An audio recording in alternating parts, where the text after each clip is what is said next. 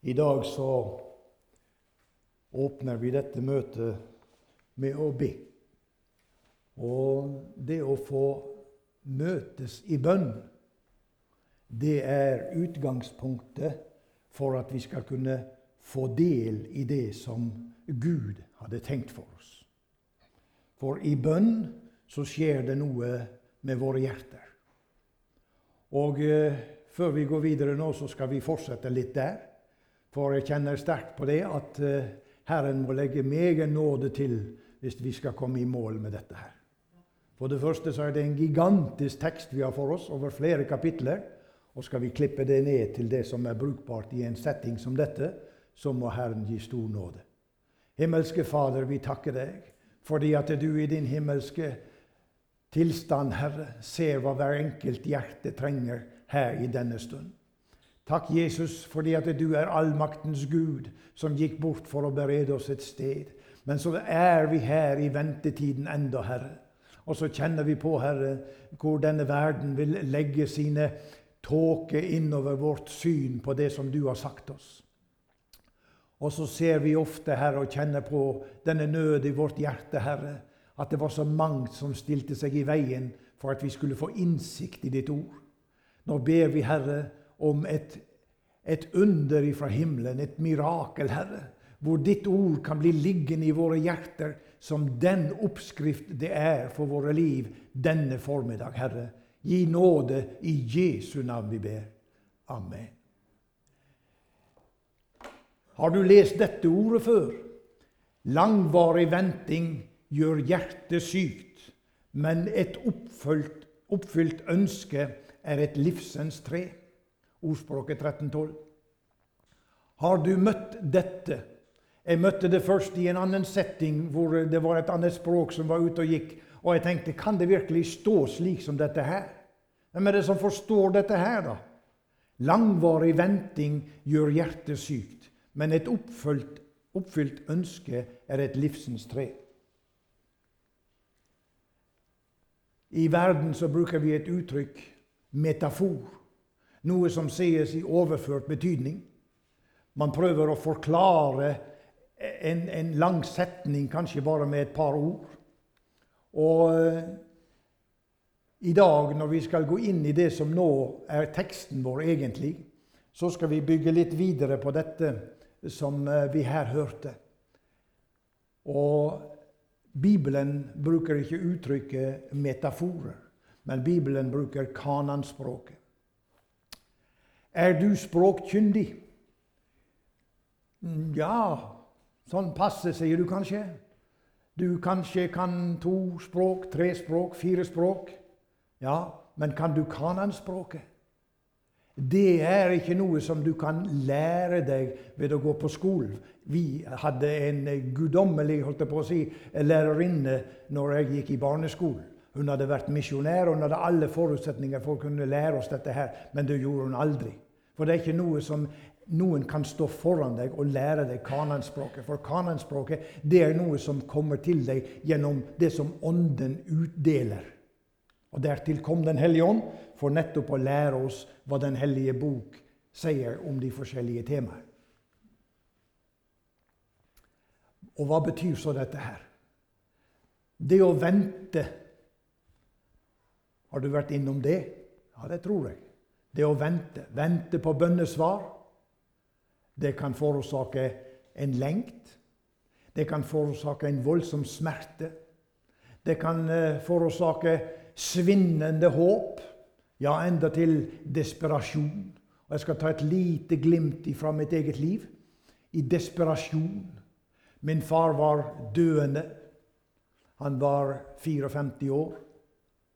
Og jeg hadde vært på nattskift i flere uker og kom hjem og jeg skulle få avløsning, jeg skulle få jeg håper å si, leve et vanlig liv i dagslys. Og så skulle det da være slik at noen måtte være med far i, den, i de siste dagene, de siste timene. Fordi at man måtte komprimere brystkassen hans for at det skulle bli en utskiftning av luften i lungene. Han led av noe som heter ALS.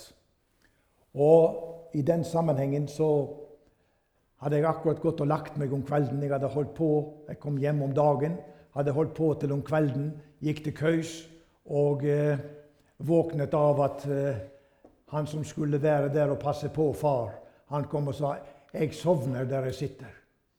Jeg greier ikke å holde meg våken gjennom nattens timer.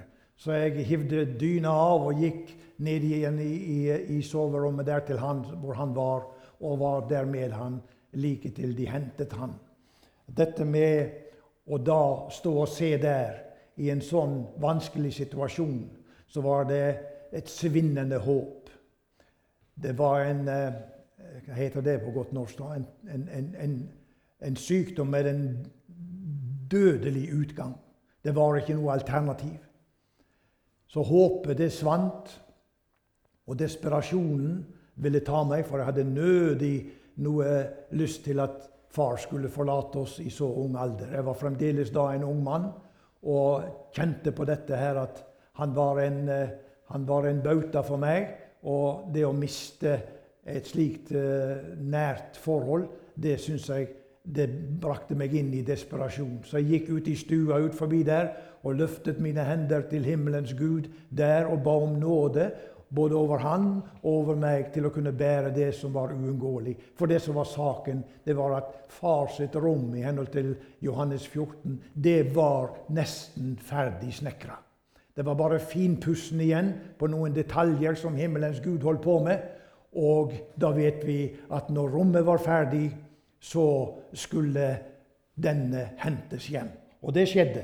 Så der i, uh, i himmelen der skal vi møtes, som vi hørte når Herren henter oss hjem. Men eh, nå er vi tilbake igjen her. At når bønnesvaret kommer Og det kommer ikke alltid slik som vi hadde tenkt, og iallfall ikke når det gjelder noe som heter time frame, når det gjelder klokka, når det gjelder dette som heter datoer. Da er det at Gud har en helt annen tidsrekning enn det som vi har. Men vi har opplevd bønnesvaret, og vi skal ikke gå inn i det i, i øyeblikket. Men eh, Herren holder sin hånd over den som ber. Og vi opplever da glede og jubel. Vi opplever fornyet tro på bønn. Vi opplever åndelig styrke, og vi kjenner at frimodigheten løsner. Når vi er innunder Guds påvirkning i møtet, når himmelens Gud åpner litt på sine mektige gaver i møte, og vi kjenner hans nærvær gjennom ordet utlagt, så kjenner vi på dette her. Dette har jeg del i. For Herren taler gjennom kananspråket, som vi nevnte, til sjelene som er til stede, for nettopp å kunne uttrykke hva Han i sin tanke har for hver enkelt av oss.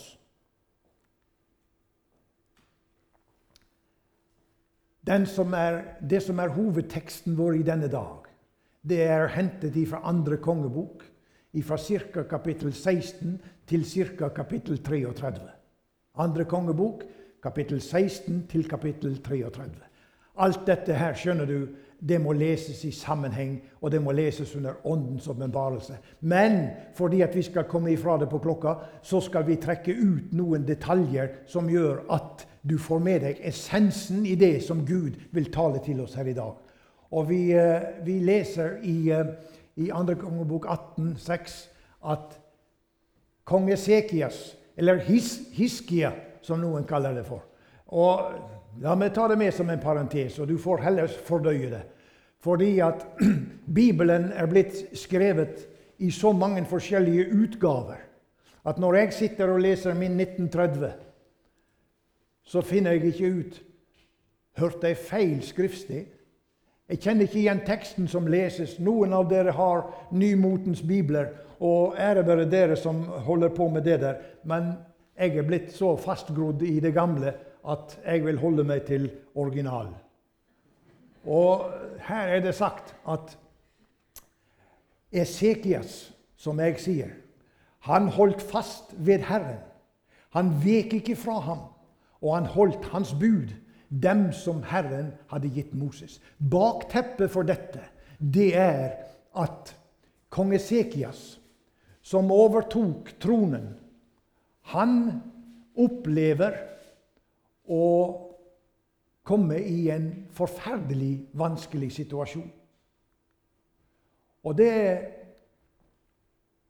det skjer selv om han holdt seg til Herren.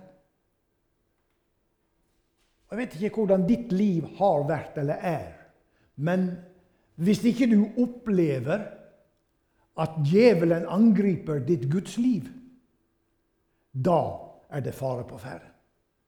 For vi hadde en, en felles bekjent som var her. Han brukte å si det sånn at djevelen skyter ikke på døde kråker, sa han. Nei. Da har du fred og ro. Da kan du gå ut herifra og så kan du glemme alt som vi har sagt her i dag. Men lever du med Herren, så skal du vite at det er ikke noe skal vi si, noe fremmed i, i Skriften at den troende, den som lever med Herren, får oppleve utfordringer, skal vi kalle det det. Og til de grader utfordringer som kan gå på livet løst. Dette skjedde hos kong Esekias. At han levde med Gud, han innordnet seg under Skriftene. Men asyrerkongen sendte hærføreren, hoffsjefen og kommandanten med en stor hær fra Lakish mot kong Esekias i Jerusalem. Og som vi ser, og vi nevner det igjen Selv om han valgte å følge Gud, så kom allikevel ufattelige problemer. Vi skal ikke male ut alt det som foregikk der i denne sammenheng, men vi skal gå litt inn i, i dette her og trekke det ned på det personlige plan. Ja, men sier du, det er jo akkurat sånn som det er for meg. Akkurat slik. Du lot deg nå av Herrens nåde en dag. Du ble frelst. Du begynte å gå på møter. Du er engasjert i en menighet. Du leser i Bibelen. Du søker Herren for ditt liv hver dag. Allikevel så kjenner du på at Herren venter med sin inngripen i din situasjon. Dette er et dilemma som det sanne, det gjenfødte Guds barn får oppleve. At Gud drøyer. Og som jeg sa i begynnelsen, det kan gå på livet løst. Det åndelige livet først og fremst. Det kan bli så fortvilende vanskelig hvis ikke en igjennom striden og igjennom kampen har et sted å gå med dette, så en kan lette sitt hjerte, så at en kan få Herrens nærvær gjennom menighetens ledelse, de eldste, en forkynner, noen du har tiltro til, som lever på nådens vei. Hvis ikke du går med din byrde til noen som kan være med og bære det for deg, så bærer du det alene. Jesus kan du alltid gå til, men når menneskets skal vi si, kapasiteter begynner å, å forme seg overfor en situasjon, da eh, kan du si det kan bli meget stor fortvilelse og, og vanskelighet ut av det. Og vi ser her at Esekias han visste at fienden ville komme. Han hadde fått høre det. Og igjen, nå må du lese disse kapitlene fra kapittel 18 og utover står det om dette. Det står det at denne Rabsake, denne kongens sendebud, trådte frem og ropte med høy røst på jødisk og talte således. Hør den store konges den asyriske konges ord. Så sier kongen, la ikke Esekias fornarret eder, for han makter ikke å redde eder av hans hånd. Og la ikke Esekias få eder til å sette eders lit til Herren i det han sier, Herren vil redde oss, og denne by skal ikke gis i kongen av Asyrias hånd. Andre kongebok 18, 28-30. Esekias visste. Han levde med Gud. Han hørte himmelen og han kjente i sitt hjerte hva som var det rette. Og han prøvde å lede sitt folk til det som var Guds vei og Guds vilje. Og midt i dette så kommer det en prøvelse. En prøvelse av dimensjoner som gjerne ikke vi greier å, å fatte hvor forferdelig dette kunne bli. Men dette er noe som du òg, som lever med Gud, hører i ditt hjerte. Det nytter ikke. Nå har du bedt om det samme om igjen og om igjen i årevis. Og det skjer ingenting i åndeverdenen. Det kommer ingen noen budskap til mitt hjerte. Herren taler ikke inn i dette. Det, himmelen er taus. Det er helt dønn stilt. Dette hører du. Dette.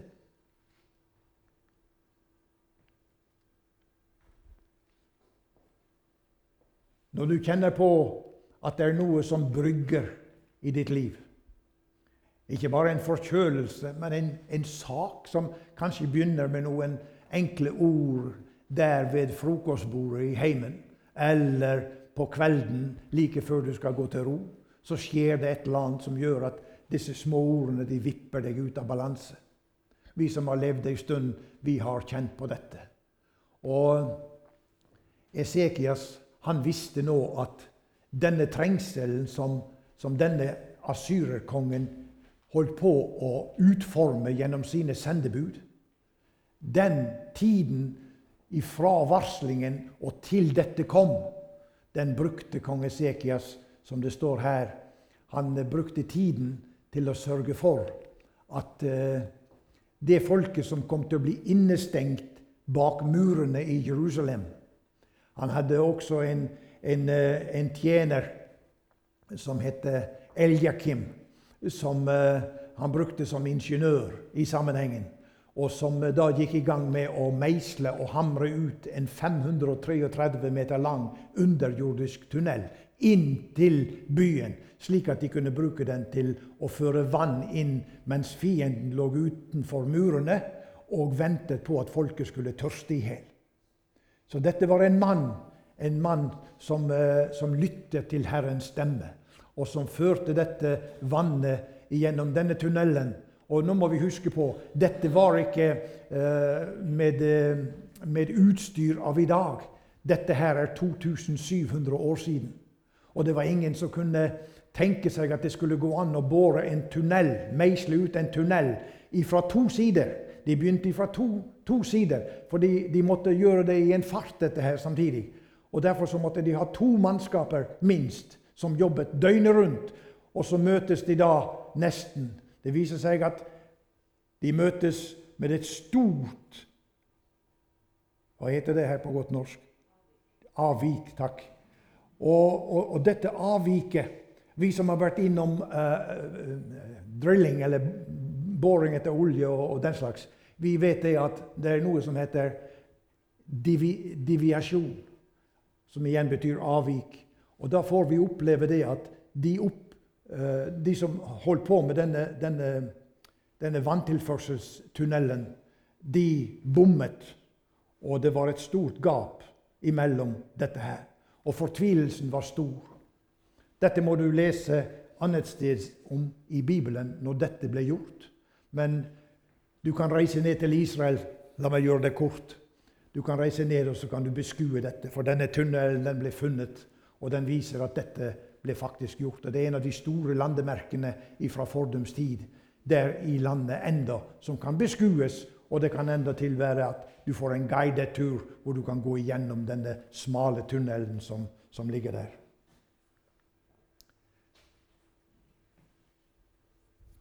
Han visste kong Esekias. Han visste at det første fienden ville gjøre, det var å prøve å få en gratis, en gratis seier uten å måtte tapes av sine egne folk. Og det var det at hvis han kunne blokkere vanntilførselen, så var det garantert en seier. I vårt klima så kunne vi kanskje holdt ut litt lengre enn der nede.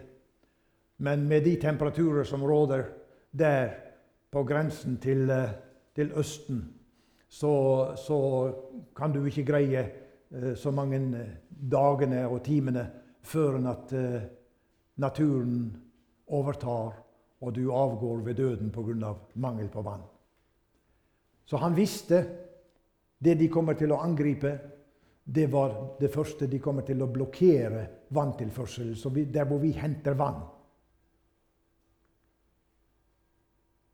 Og han sa, 'Hvorfor skulle kongen av Asyria komme og finne rikelig med vann til sine soldater. Det var ikke snakk om en håndfull mennesker som kom.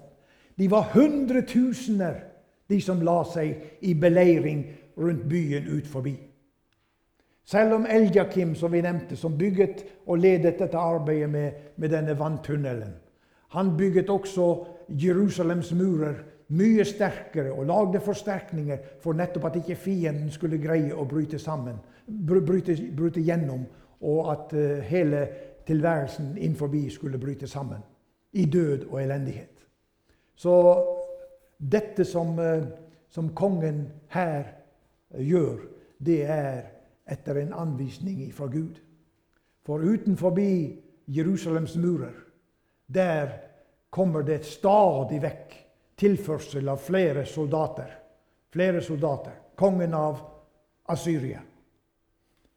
Og eh, for å være i dagens kart så må du se for deg det landet som vi i dag kjenner som Iran. Kongen som ville angripe Israel og Juda. Israel var jo delt i eh, Israel og Juda på denne tiden. Og Juda ligger i sør, og Israel det var Nordriket. Og fienden kom altså ifra Ninive.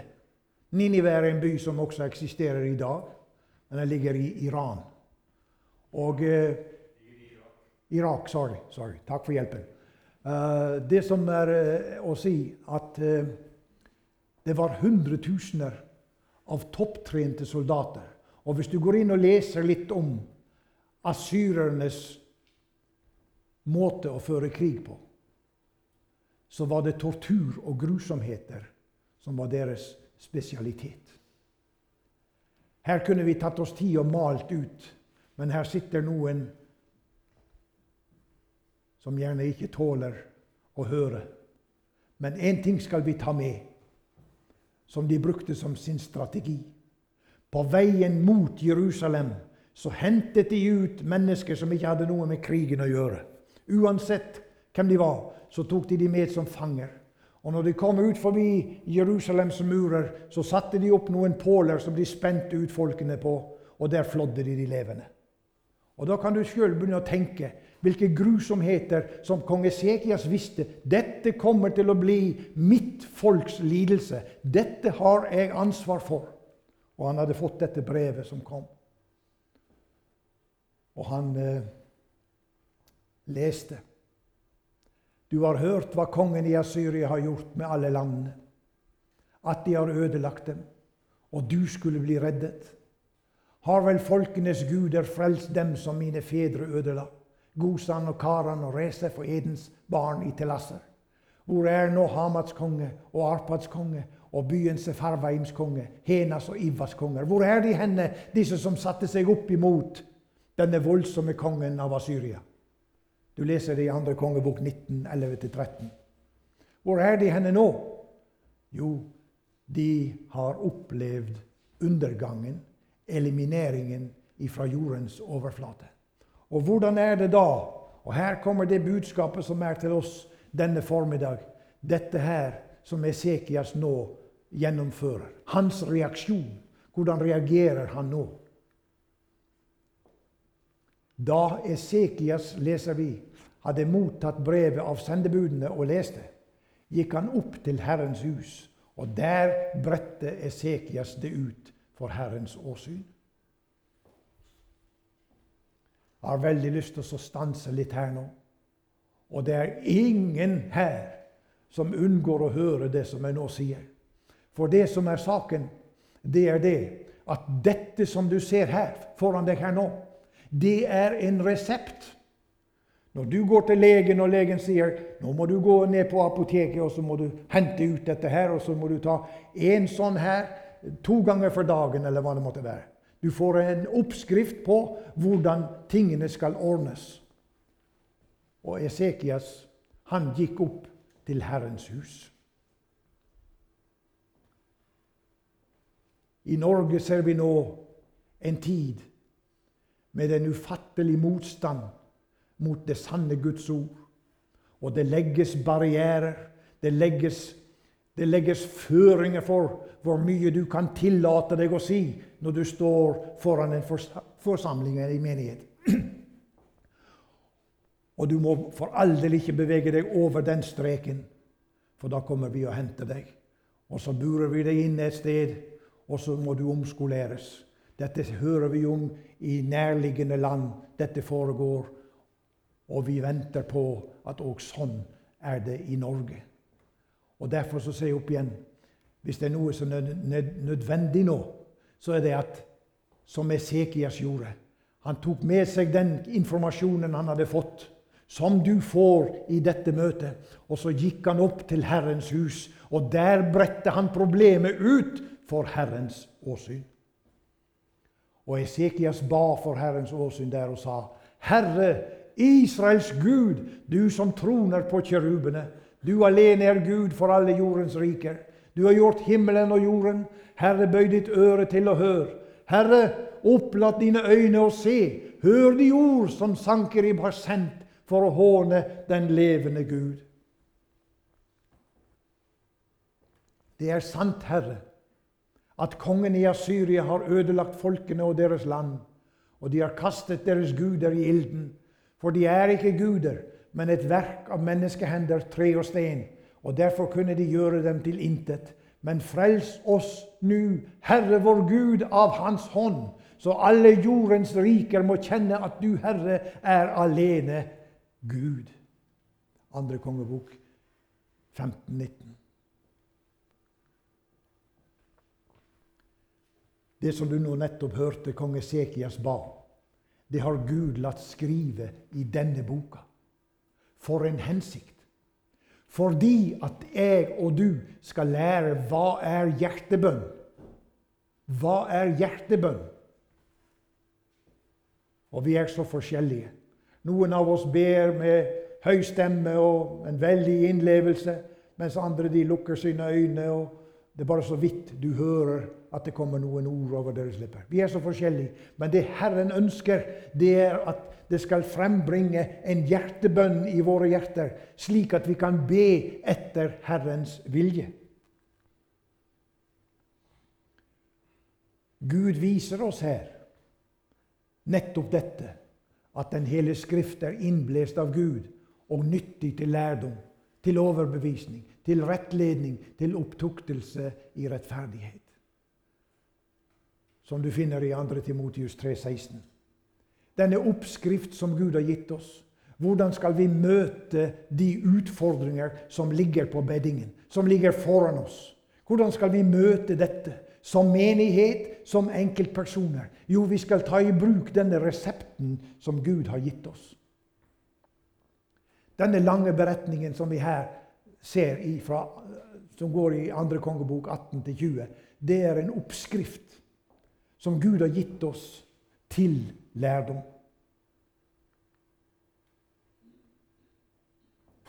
Og min bønn, det er for oss alle. Det er ikke noe unntak for han som står her. Om at Gud må forbarme seg over oss, så vi bruker de oppskriftene som Han har gitt oss i sitt hellige ord. For det er de oppskriftene som Gud ga, som kan være med og bringe en forandring.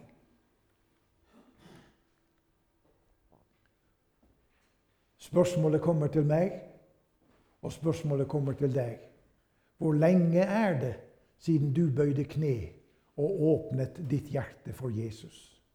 Siden du knelte ned, hengav deg og ble ved med å be, inntil lyset fra Gud brøt frem.